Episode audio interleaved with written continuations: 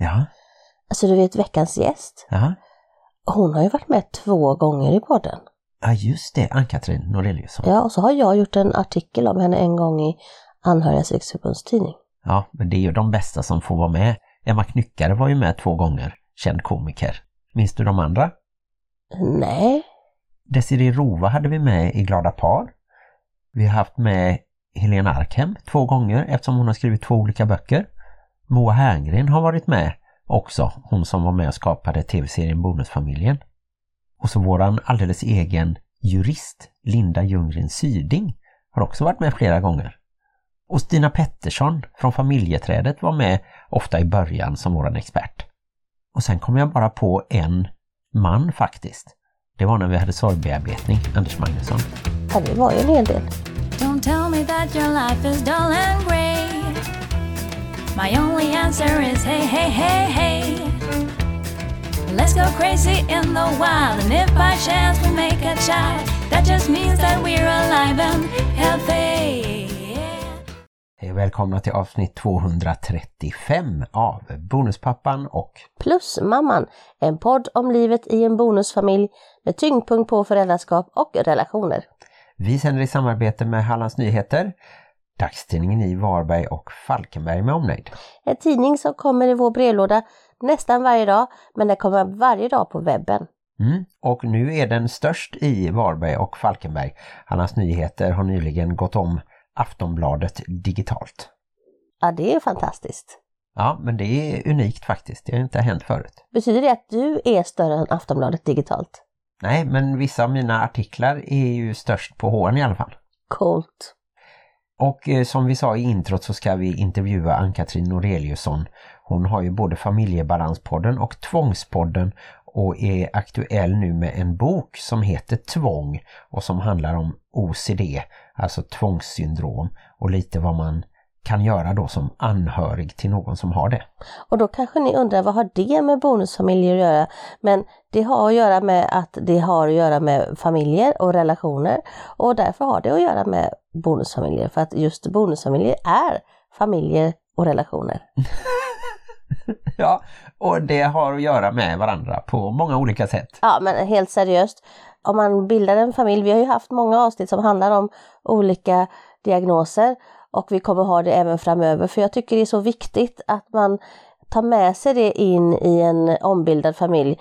Att det kanske inte är så att alla i den nya familjen då har samma förståelse för varandras egenheter och annat. Och då är det väldigt viktigt att man faktiskt sätter sig in i det och förstår att alla har inte likadana reaktioner, känslor, upplevelser av det som vi andra då tycker är, men det här är verkligheten.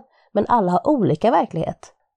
Ja, man vänjer ju sig vid en familjs olika diagnoser och kommer man in då som jag har gjort till exempel som bonusförälder så tar ju det tid att lära känna eventuella barn då som har diagnoser. Och det är klart att då kanske det tar ett tag innan man reagerar på rätt sätt. Och då brukar vi ju alltid hänvisa till olika experter. Det finns ju gott om böcker att läsa och föreläsningar att lyssna på. Mm. Och sen kan man gå olika kurser och då är man oftast, i alla fall i vår kommun, som bonusförälder välkommen med att gå.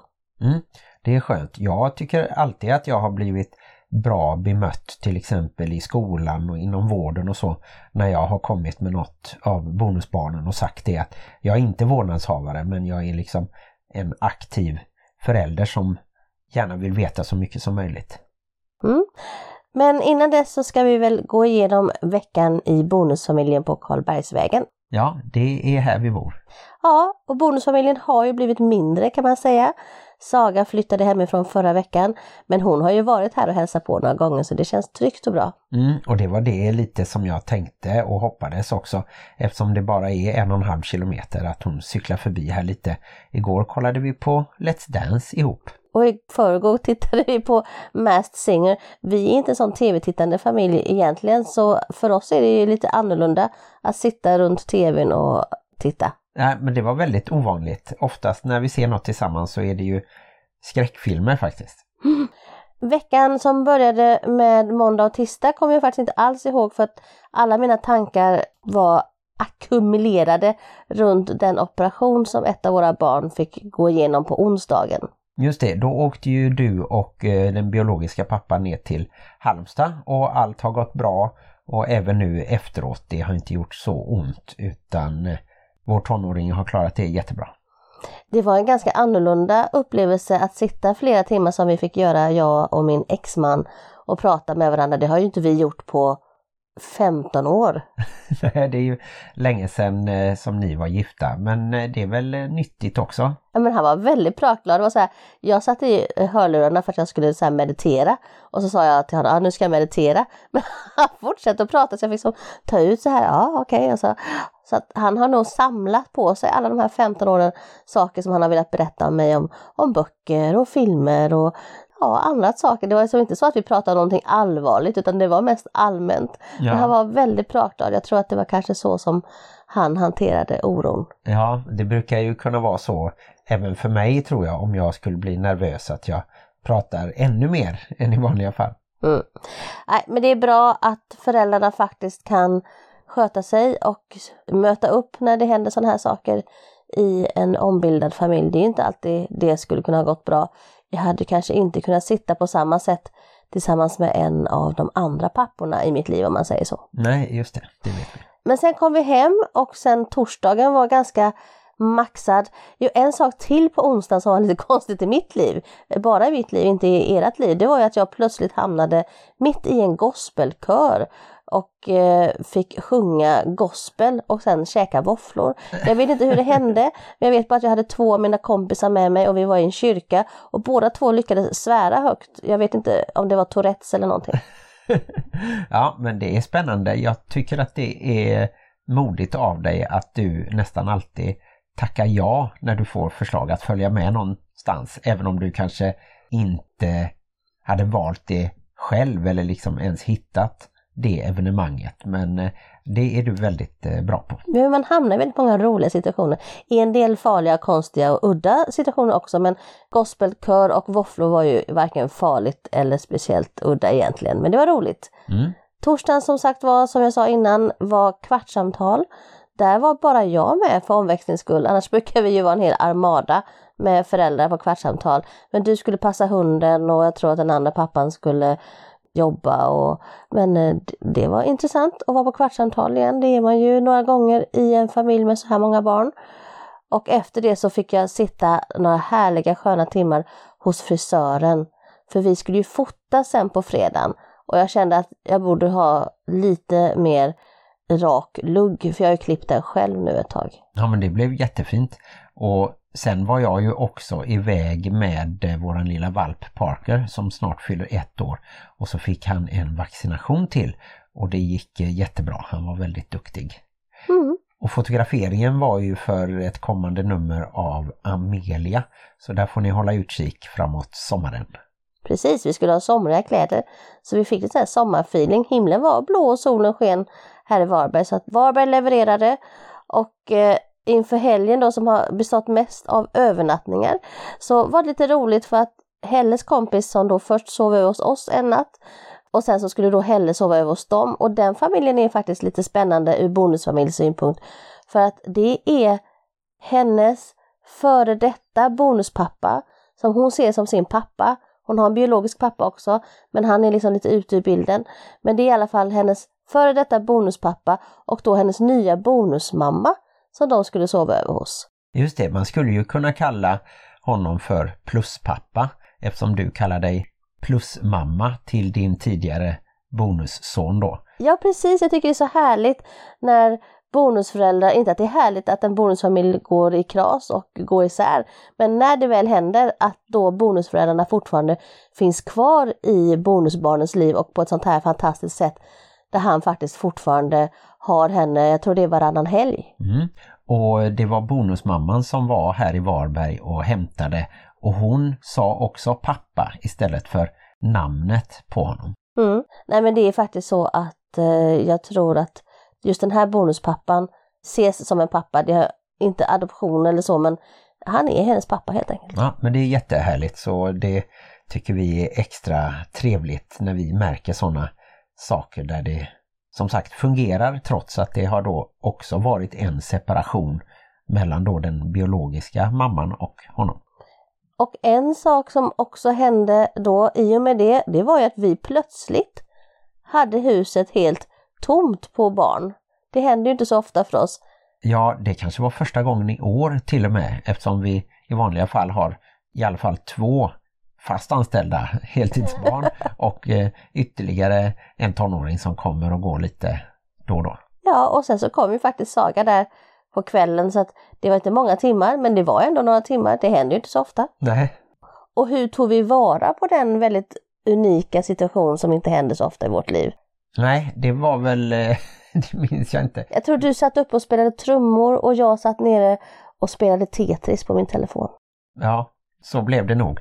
Jag gick väldigt eh, mycket upp och ner för trappan och bar eh, grejer och fixade på vinden och sådär. Så att vi utnyttjade det väl kanske inte på eh, bästa sätt. Men vi får tänka på det till nästa gång.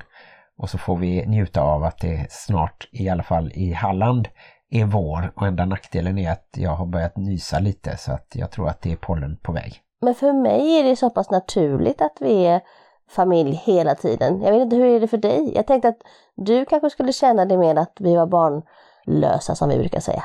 Nej, men det var länge sedan som jag slutade tänka på det. det var länge sedan jag slutade hoppas på det, tror jag du skulle säga. Nej, men jag är helt van vid att vi alltid har barn. Så att jag blev också lite mer sådär, jaha, oj, nu var det plötsligt bara lilla hunden här. Mm. Ja, nej men det var veckan som gick och nu tycker jag vi kastar oss rakt in i intervjun med Ann-Katrin.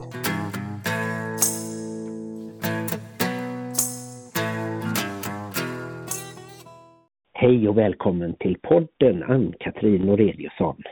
Hej Martin!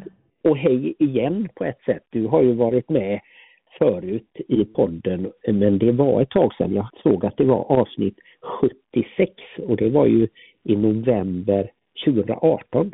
Så tiden går oj. fort. Ja. Oj, oj, oj, är det så länge sedan? Ja. Och du har ju en egen podd också som heter Familjebalanspodden som också finns överallt som vi kan rekommendera förstås. Ja, så har jag en till podd då. När vi hade nått 100 avsnitt i Familjebalanspodden så kände jag att ja, men jag vill ju göra något mer. Jag vill ju inte bara ha en podd. Så vi har en som heter Tvångspodden också som handlar bara om tvångssyndrom och allt som finns runt omkring det. Och det är ju det vi ska prata mest om, OCD och Ja. Tvångssyndrom, eftersom du har skrivit en bok nu som heter Tvång, en guide för dig som anhörig. Precis. Och hur brukar du presentera dig? Du är ju NPF-coach och Ja. även eh, så håller du föredrag och så, bor uppe i Glada Hudik. Jajamän. Mm. Jo, men jag brukar ju berätta lite sådär att jag är förälder själv. Mm. och eh, har jobbat som tandtekniker i 38 år. Så på ålderns höst blev jag uppsagd för att vi blev utan jobb för de gick utomlands. Aha. Som många andra företagare har blivit. Då tänkte jag så här, men nu vill jag göra det här som jag har drömt om så länge. Att jobba närmare människor. För jag hade ju suttit och gjort löständer då i 38 år. Ja, Så nu det. ville jag jobba med människan. Och då så tänkte jag, vad, vad är inte bättre då än att göra det här som jag är så bra på. Att rodda och hjälpa anhöriga speciellt. Men att lyfta det här med kunskapen, öka kunskapen och vi behöver skrota skammen. Och jag vill visa att det finns hopp. För jag har överlevt och vi har fixat det här fast det har varit jättejobbigt. Så att eh, jag vill Ja, vara den där frontfiguren. Mm. Och hur ser din familj ut? min familj är då, idag är det ju bara min man och jag och katten Lottie som bor tillsammans. Sen har jag min dotter som är 33. Och eh, hon har två små barn nu, Ide och Lo, och de är sex och fyra. Och de har en hund och hon har en man och allt det där. Och sen Ja. har jag Marcus som är 32. Som bor själv här inne i Hudik då. Just det. Min son har OCD bland sina diagnoser. Han har flera diagnoser. Men OCD är den svåraste av dem han har. Och i boken så vill du ju just hjälpa föräldrar eller andra anhöriga lite. Mm. Hur- ska man agera? Vad är grundinställningen som man borde ha? För det första så är OCD en, en tuff diagnos. Den ligger på plats 10 bland eh, WHOs rankade då hur svår en diagnos kan vara. Och då är det både somatiska och psykiatriska diagnoser. Och där ligger OCD på plats 10 och det är ganska högt upp. Och det talar ju för hur svårt det är att leva i en familj som har någon, någon familjemedlem med OCD. Och mm. Eh, OCD och tvång är ju liksom samma sak. Tvång är ju den svenska benämningen på Obsessive Compulsive Disorder som OCD står för. Och eh, det spelar liksom ingen roll tänker jag om jag är partner eller om jag är mamma eller pappa eller bonusmamma eller bonuspappa eller syskon. Jag blir involverad på ett eller annat sätt. För att den som har tvång den vill gärna ha försäkringar från omgivningen. Att är det här rent eller gjorde jag rätt nu eller gjorde jag illa dig nu eller sådär. Alltså OCD är brett. Det är nästan omöjligt att hitta saker där inte OCD kan leta sig in. OCD mm. kan jag ha inom alla teman som man kan tänka sig. Så att OCD är en uppfinningsrik diagnos kan man säga. Den, den plågar den som har OCD våldsamt och den plågar mm. även anhöriga. Och då spelar det ingen roll vad jag är som anhörig för jag blir påverkad på ett eller annat sätt. Vilka tecken kan man då se på ett barn, till exempel ett, ett litet barn, att det kanske kan finnas OCD? Ja, när barnet blir mer rädd för saker än vad, man, vad barnet normalt har varit. När det börjar på bli kanske väldigt rädd för att somna, för att eh, bli smittad av något eller man märker en väldigt, väldigt osäkerhet, rädsla, obehag som är mycket mer än vad det har varit innan.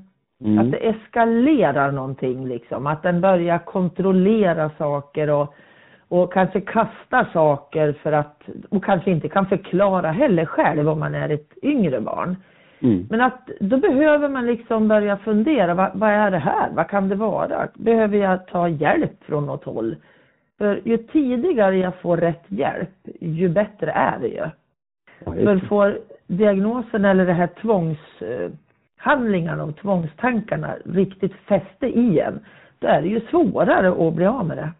Mm. Kan det finnas olika versioner så att säga? Kan man ha lite mild OCD och sen att det kan bli väldigt, väldigt eh, påtagligt och, eh, och starkt. Ja, absolut. Det finns ju en skala 0 till 1000 kan man väl säga. Att du kan finnas inom alla de här områdena. Men för att få diagnosen, då måste du ha tvångshandlingar eller tvångsaktiviteter. Synliga eller osynliga.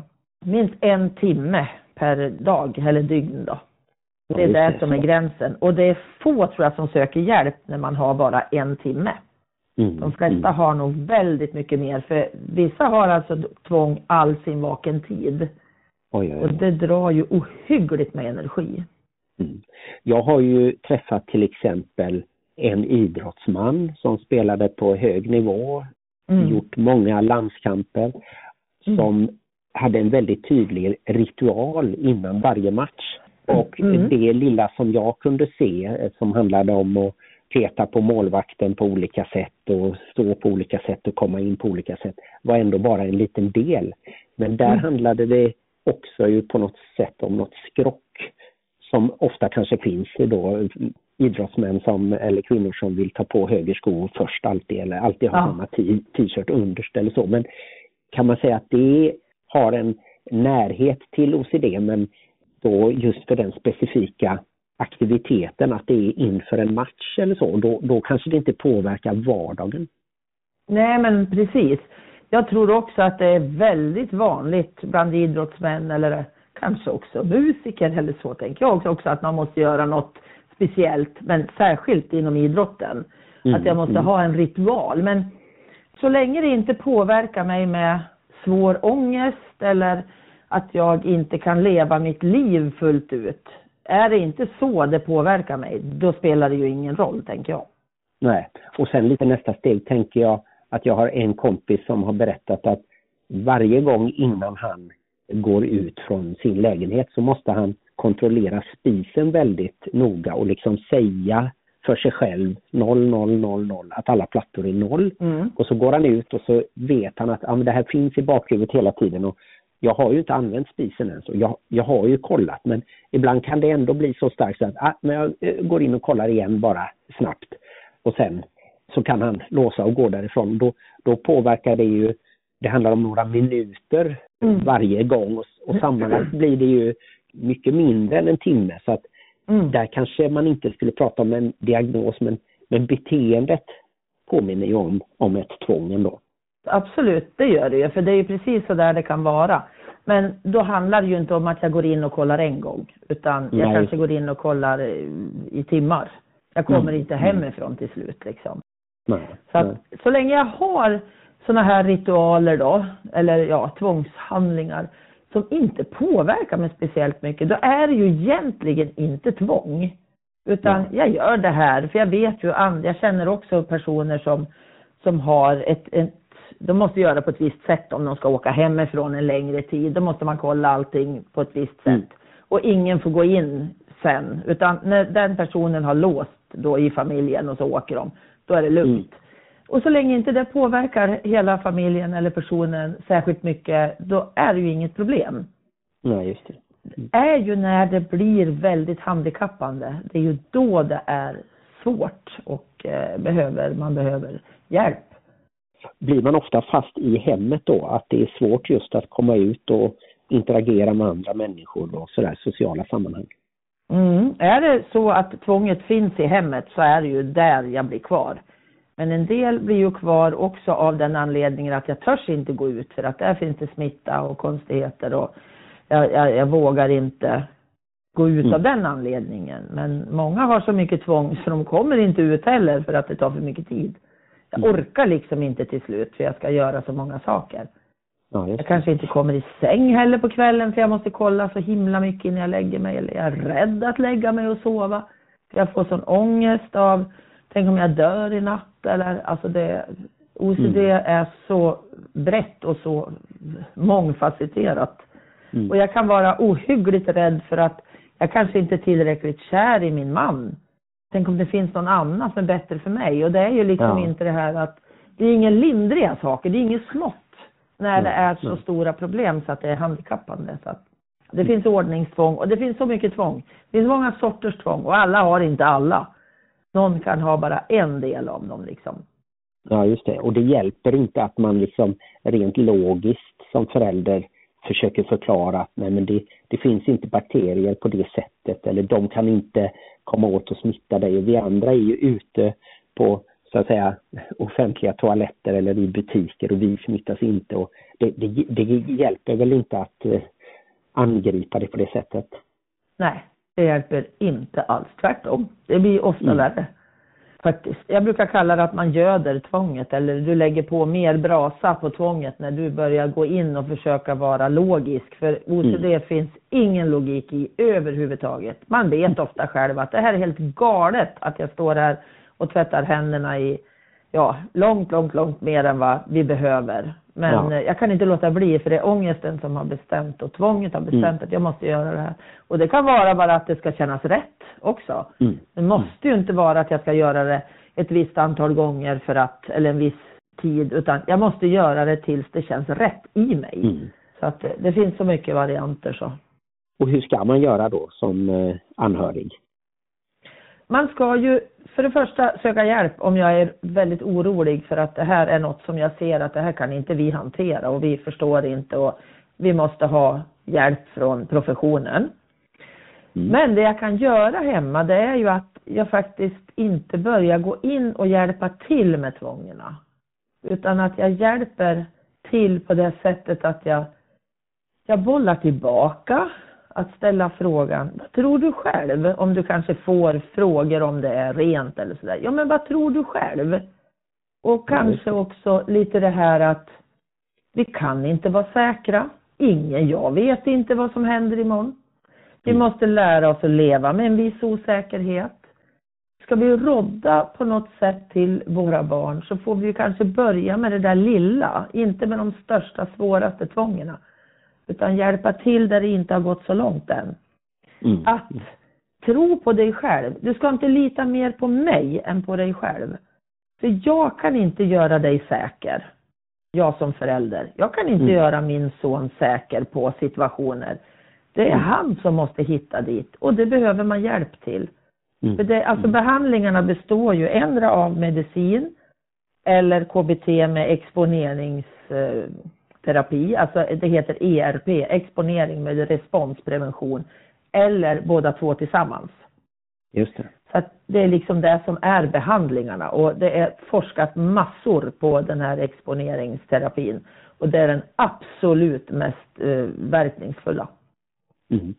Är det svårt att hitta medicin och ställa in nivån och liksom få det att fungera långsiktigt? Det är väldigt olika, individ till individ. Det är jätteolika och vilka mediciner som funkar och sådär. Så att det kan vara en, en procedur att hitta rätt medicin, absolut. För vi är ju så olika allihopa i våran kemi i kroppen. Ja, just Så det. att, eh, Mm. och tyvärr så finns det inte fantastiskt mycket, jag tänker på just den här terapin, exponeringsterapin. Mm. Det är ju inte alla som kan det heller. Så att Nej, eh, det är lite då- svårt att hitta bra hjälp i Sverige. Ja, men då får man eh, introduceras till exempel för smuts eller, eller så som eh, någonting som man normalt sett tycker är väldigt eh, jobbigt Ja. och äckligt. Och så får man Ja. ta det lite gradvis och, och eh, på något sätt träna bort det. Ja. Ja, att våga vara rädd. Det är ju liksom det som är grejen. Att jag ska våga vara rädd, jag ska våga ta den här ångesten. Och för att ångest fortsätter ju inte hur långt som helst. Den Nej. klingar ju av. Och ju snabbare jag vågar utsätta mig för det här läskiga, ju snabbare kommer den att klinga av. Mm. För ju mer jag fortsätter och håller på och tvångar och gör mer och mer och mer, ju värre blir ångesten. Den blir större och större. Det är ju som att jag jag måste liksom fylla på mer bränsle hela tiden för att få det och, och få ångesten att dämpas. Och då gör jag bara Mm. mer och mer och så blir det mer och mer av allting. Mm. Vet man hur vanligt det är med, med OCD? Jag antar att det finns då ett mörkertal också, de som Ja. inte söker Ja. hjälp. Man säger att runt 2 procent ungefär av, alltså av hela världens befolkning. För OCD finns överallt i hela världen, i alla Mm. Yrkesgrupper. Det är lika många män som kvinnor. Det är en synnerligen, synnerligen jämlik diagnos. Det här är inte liksom att det är fler kvinnor än män eller så, utan och i alla samhällsklasser, överallt finns det. Och det är lika Mm. mycket överallt. Och cirka 2 procent då säger de. Men jag tror ju, för skammen är ju jättestor hos personer som har OCD. Mm. För att man tror ju att man ska bli galen och man tycker att man är jätteknäpp som gör alla de här sakerna och att man lyssnar på alla de här tankarna som känns då väldigt verkliga. Mm. Och då, då vill man liksom inte berätta för någon. Då blir det ofta att jag kryper undan och så blir det ännu sämre. Mm. Mm. Och en av mina viktigaste bitar som jag jobbar med det är ju det här att vi måste skrota skammen runt, runt psykiatriska tillstånd som OCD är. Och det är ju, gamla benämningen var ju psykisk sjukdom. Men psykiatriskt tillstånd heter det ju idag. Mm. Och eh, vi behöver hjälp. Alltså både anhöriga och den som har OCD måste få hjälp. Mm, absolut. Finns det någon ålder när det börjar vanligtvis debutera eller bli lite värre och påverka mer? Det jag har läst mig till så är ju att det är ofta innan tonåren har liksom gått ut. Utan det är från det jag är barn. Jag har ju en grupp på Facebook där det finns anhöriga som har OCD i familjen.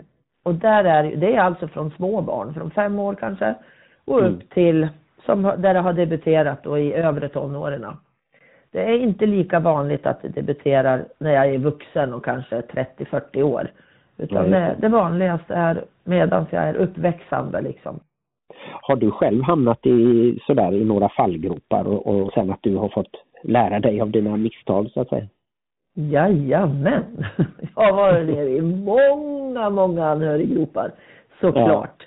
Och alltså man åker dit, om jag skulle, det åker dit alltså med stora citationstecken. Alltså jag, det gör man. Det är, vi är människor och vi, jag svarar för snabbt och upptäcker sen att jag visste fasiken, det där var ju en kontrollfråga, den skulle jag ju inte ha svarat på.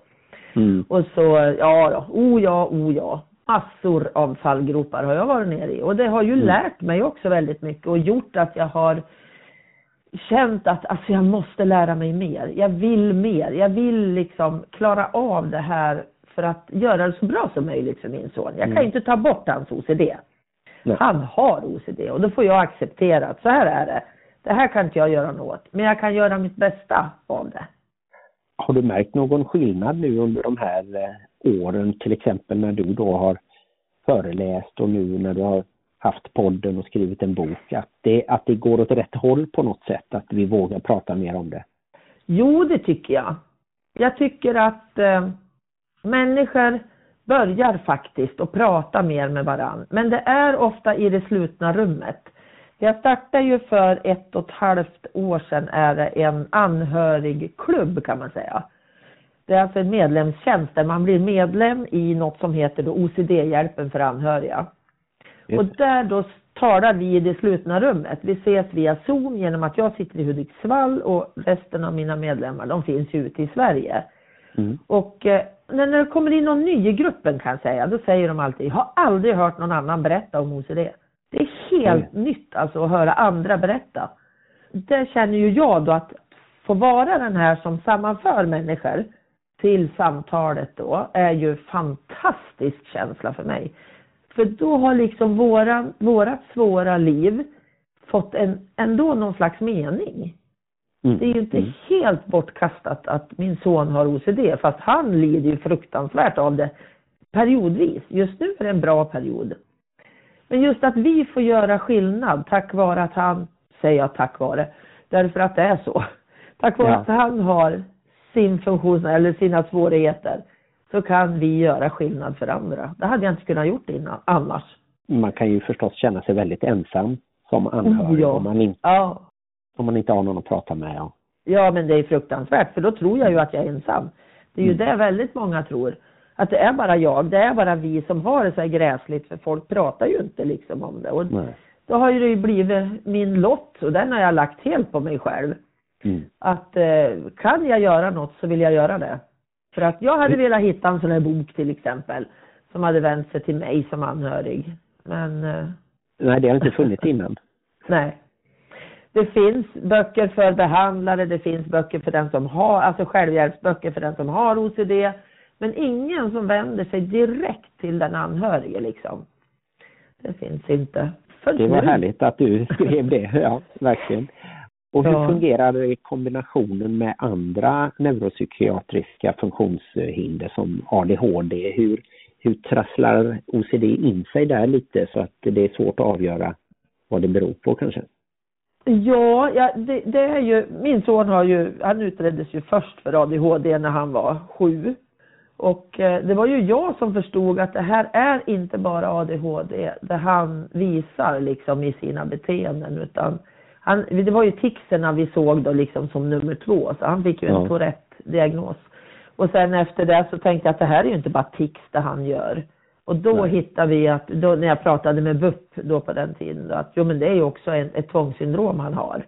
Mm. Och det här, det, liksom, de har ju varit suttit ihop på något vis. Det är jättesvårt att peka exakt. Där går gränsen emellan Mm. den här diagnosen och den där diagnosen. Liksom. Det som har varit tydligast är väl att sen han blev vuxen har OCD varit den tuffaste för honom och oss då såklart. Ja. Men nu när han då har fått behandling, han äter medicin och mår bra i sin OCD, då syns ju de andra diagnoserna tydligare för honom. Mhm. Då kommer ju de, liksom ADHD och autism har jag också, fick jag ju också senare när ja. han var äldre och vuxen. Så att då är ju de som har blivit tydliga och svåra för att OCD de, den låg, låg som ett lock över hela hans person. Mm. Så att eh, det var inget annat som han märkte av nästan, för det var, det var Mm. bara tvång.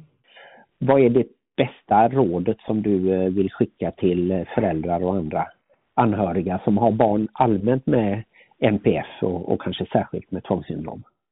Ja, för tvång framför allt så vill jag ju säga det att det är väldigt sällan tvång går över av sig självt. Sök Mm. hjälp är liksom steget och läs på själv. Mm. Och skäms inte för någonting som du inte ska skämmas över. Det går att leva ett schysst liv ändå. Ja. Fast det finns svårigheter i ens familj. Det är tufft, det är det. Men det går faktiskt att, att leva ändå.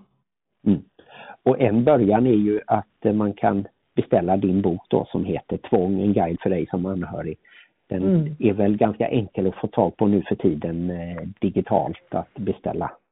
Ja, det finns hos bokhandlarna, de här webbokhandlarna. Mm. Och eh, vill man ha den signerad så får man beställa den från mig och då kan man skicka ett mejl till exempel. Info familjebalans.se. Det är till mig. Så att eh, då kan jag rodda vidare och skicka en länk där man kan köpa den. Om man vill ha den då signerad. Annars så Ja. går det jättebra att köpa hos webbokhandlarna. Just det. Och familjebalans.se är även din sajt. Ja. Och där finns det också information förstås, ja. Och sen så rekommenderar ju vi dina poddar också då ju. Ja. Familjebalanspodden och den nya Tvångspodden. Ja, det är Mm. tydliga eh, namn och eh, spännande och du har ju också olika gäster, olika teman och har hållit på länge så att eh, vi är glada över att ha en poddkollega med hos oss igen och förra gången var ju faktiskt Maria uppe i Hudiksvall och Ja. hälsade på dig och nu Ja. idag fick, fick det bli på telefon men jag hoppas att vi kan ses på riktigt i något sammanhang framöver här ändå.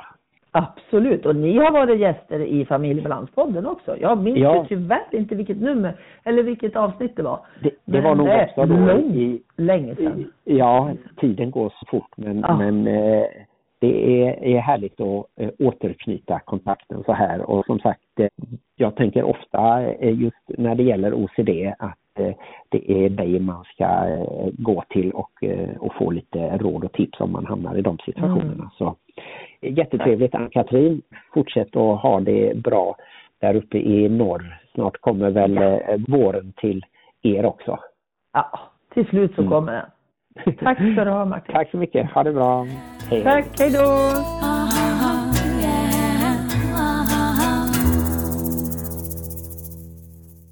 Ja, och vi tackar alltså Ann-Katrin Noreliusson som håller till uppe i Hudiksvall. Och eh, boken är jag nyfiken på kanske framförallt eh, för att se om jag kan lära mig nya strategier i hur man bemöter barn eller andra som har någon form av diagnos eller psykisk ohälsa. Mm.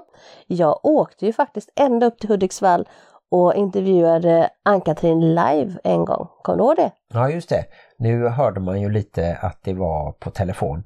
Men du var väl ändå i Stockholm och så åkte du fram och tillbaka. Tog ju några timmar med tåg vet jag. Jag tror att jag gjorde en sån där typisk Maria-grej när jag liksom inte riktigt berättar för dig vad jag gör och sen så plötsligt så sa jag nu är jag i Hudiksvall. ja, så kan det ha varit. Jag vet att jag många gånger har åkt förbi Hudiksvall på väg till och från Sundsvall där jag ju pluggade och bodde i sammanlagt fyra år. Ja. Nej men jag tycker att Ann-Katrins podd är väldigt intressant. Du och jag har ju varit gäster i podden en gång också.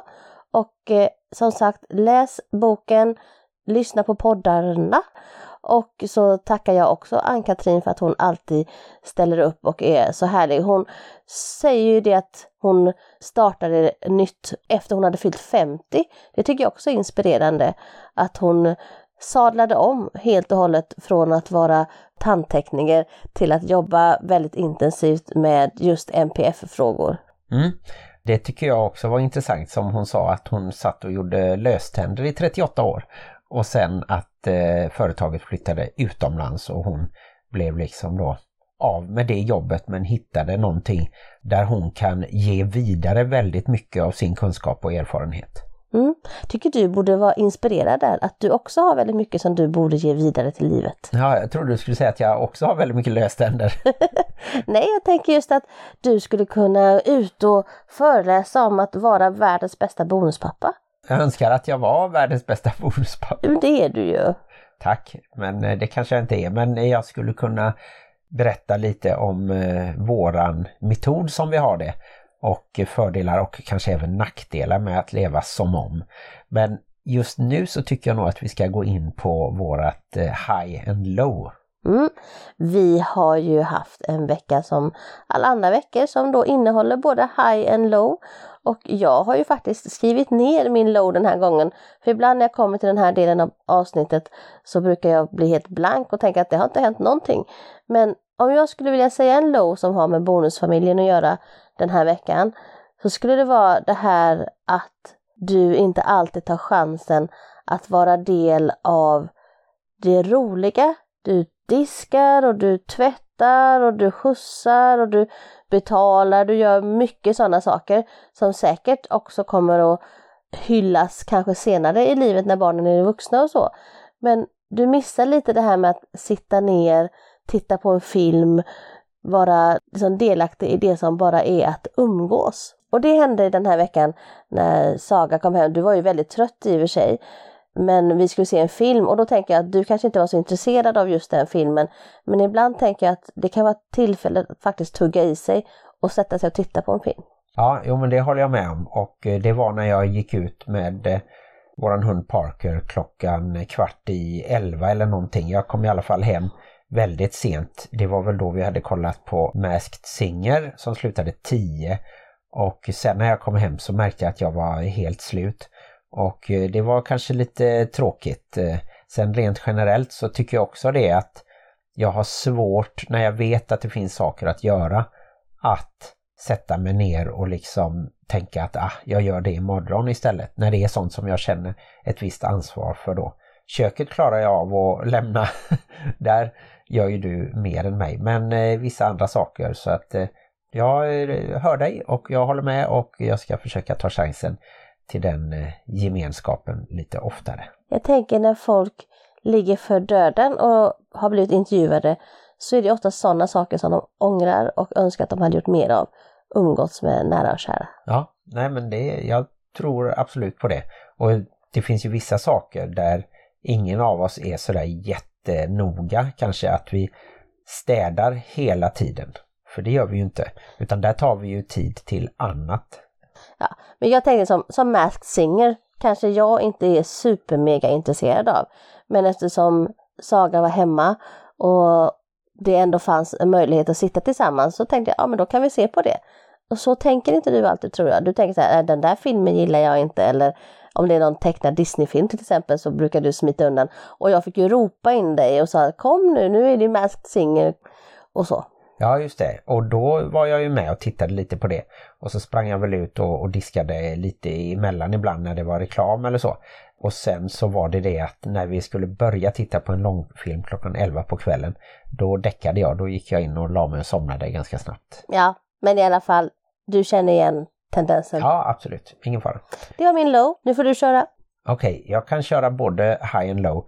Jag tycker att det har blivit väldigt fint eh, på övervåningen och att du har städat i ordning så att eh, våran lilla kanin Luna har fått det fint med tre olika burar varav två med tak på sig och eh, Parker är där uppe och spanar in och undrar vad det är för annat djur som inte är en hund också. Och så har vi ju då kunnat göra om Sagas rum till ett musikrum. Så nu är det både gitarrer och förstärkare och trummor och ett keyboard, ett riktigt hyfsat Casio som eh, man också ska kunna använda. Och mikrofon som man kan sjunga också. Vi får se om den kommer att användas. Så det har blivit bra och eh, välstädat vi är inte det allas mardröm att man flyttar och sen så typ direkt efter så är varje spår av en helt borta? Ja just det.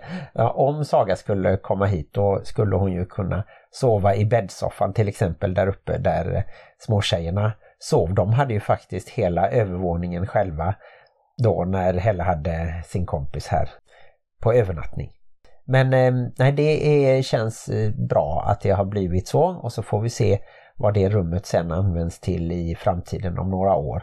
Om det blir så att Helle flyttar upp och ska ha övervåningen själv. Det finns ju ett litet hopp där på sex år ner till henne, hon fyller 12 år snart. Men då är frågan vad min low har varit och det är fortfarande så att det känns som att när mina dagar blir extra långa när jag har både jobb åtta timmar och kanske ibland får förskjuta som i torsdags så var jag väl inte hemma för en halv sju på kvällen någonting.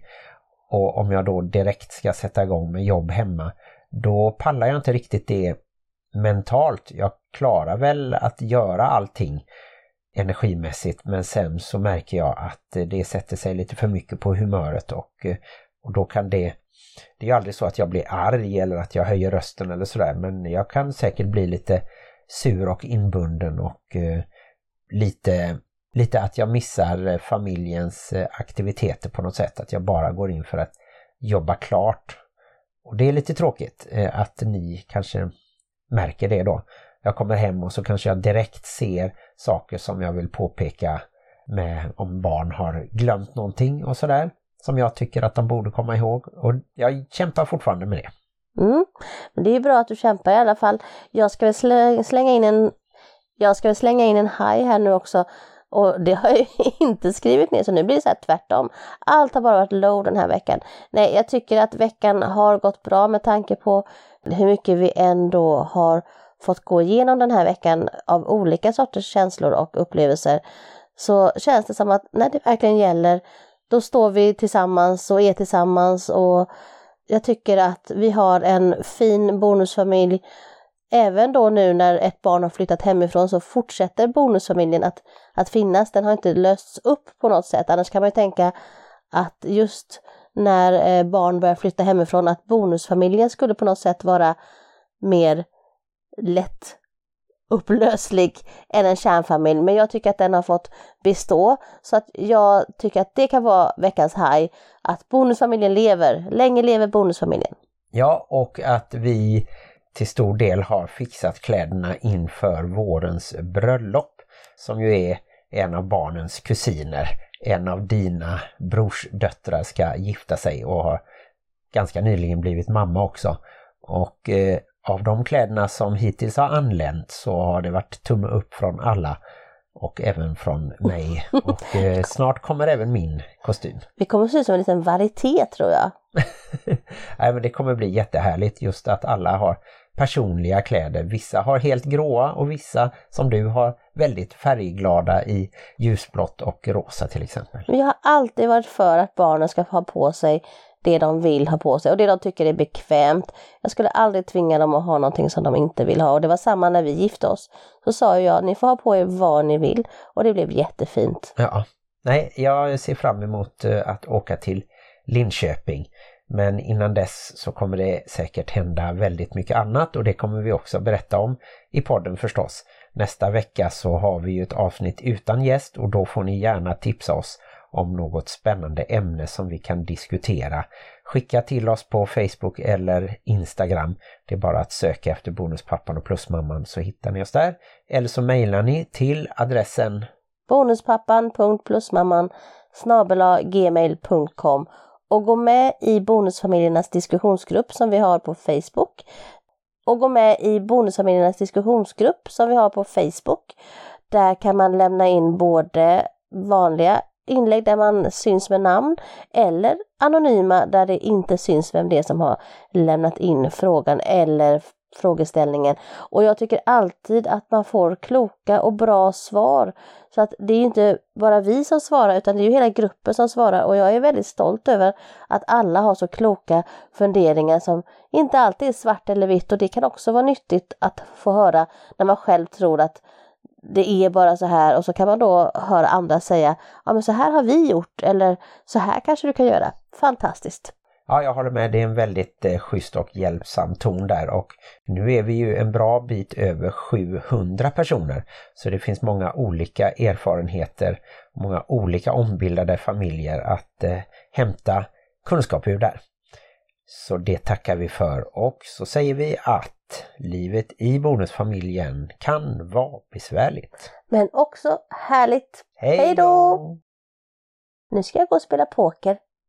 Ja just det, och jag ska åka till Falkenberg och hämta Helle. Hur ska jag ta mig dit? Jag tänkte att du får skjuts av någon av de andra kanske? Ja, jag kanske får fråga. Mm.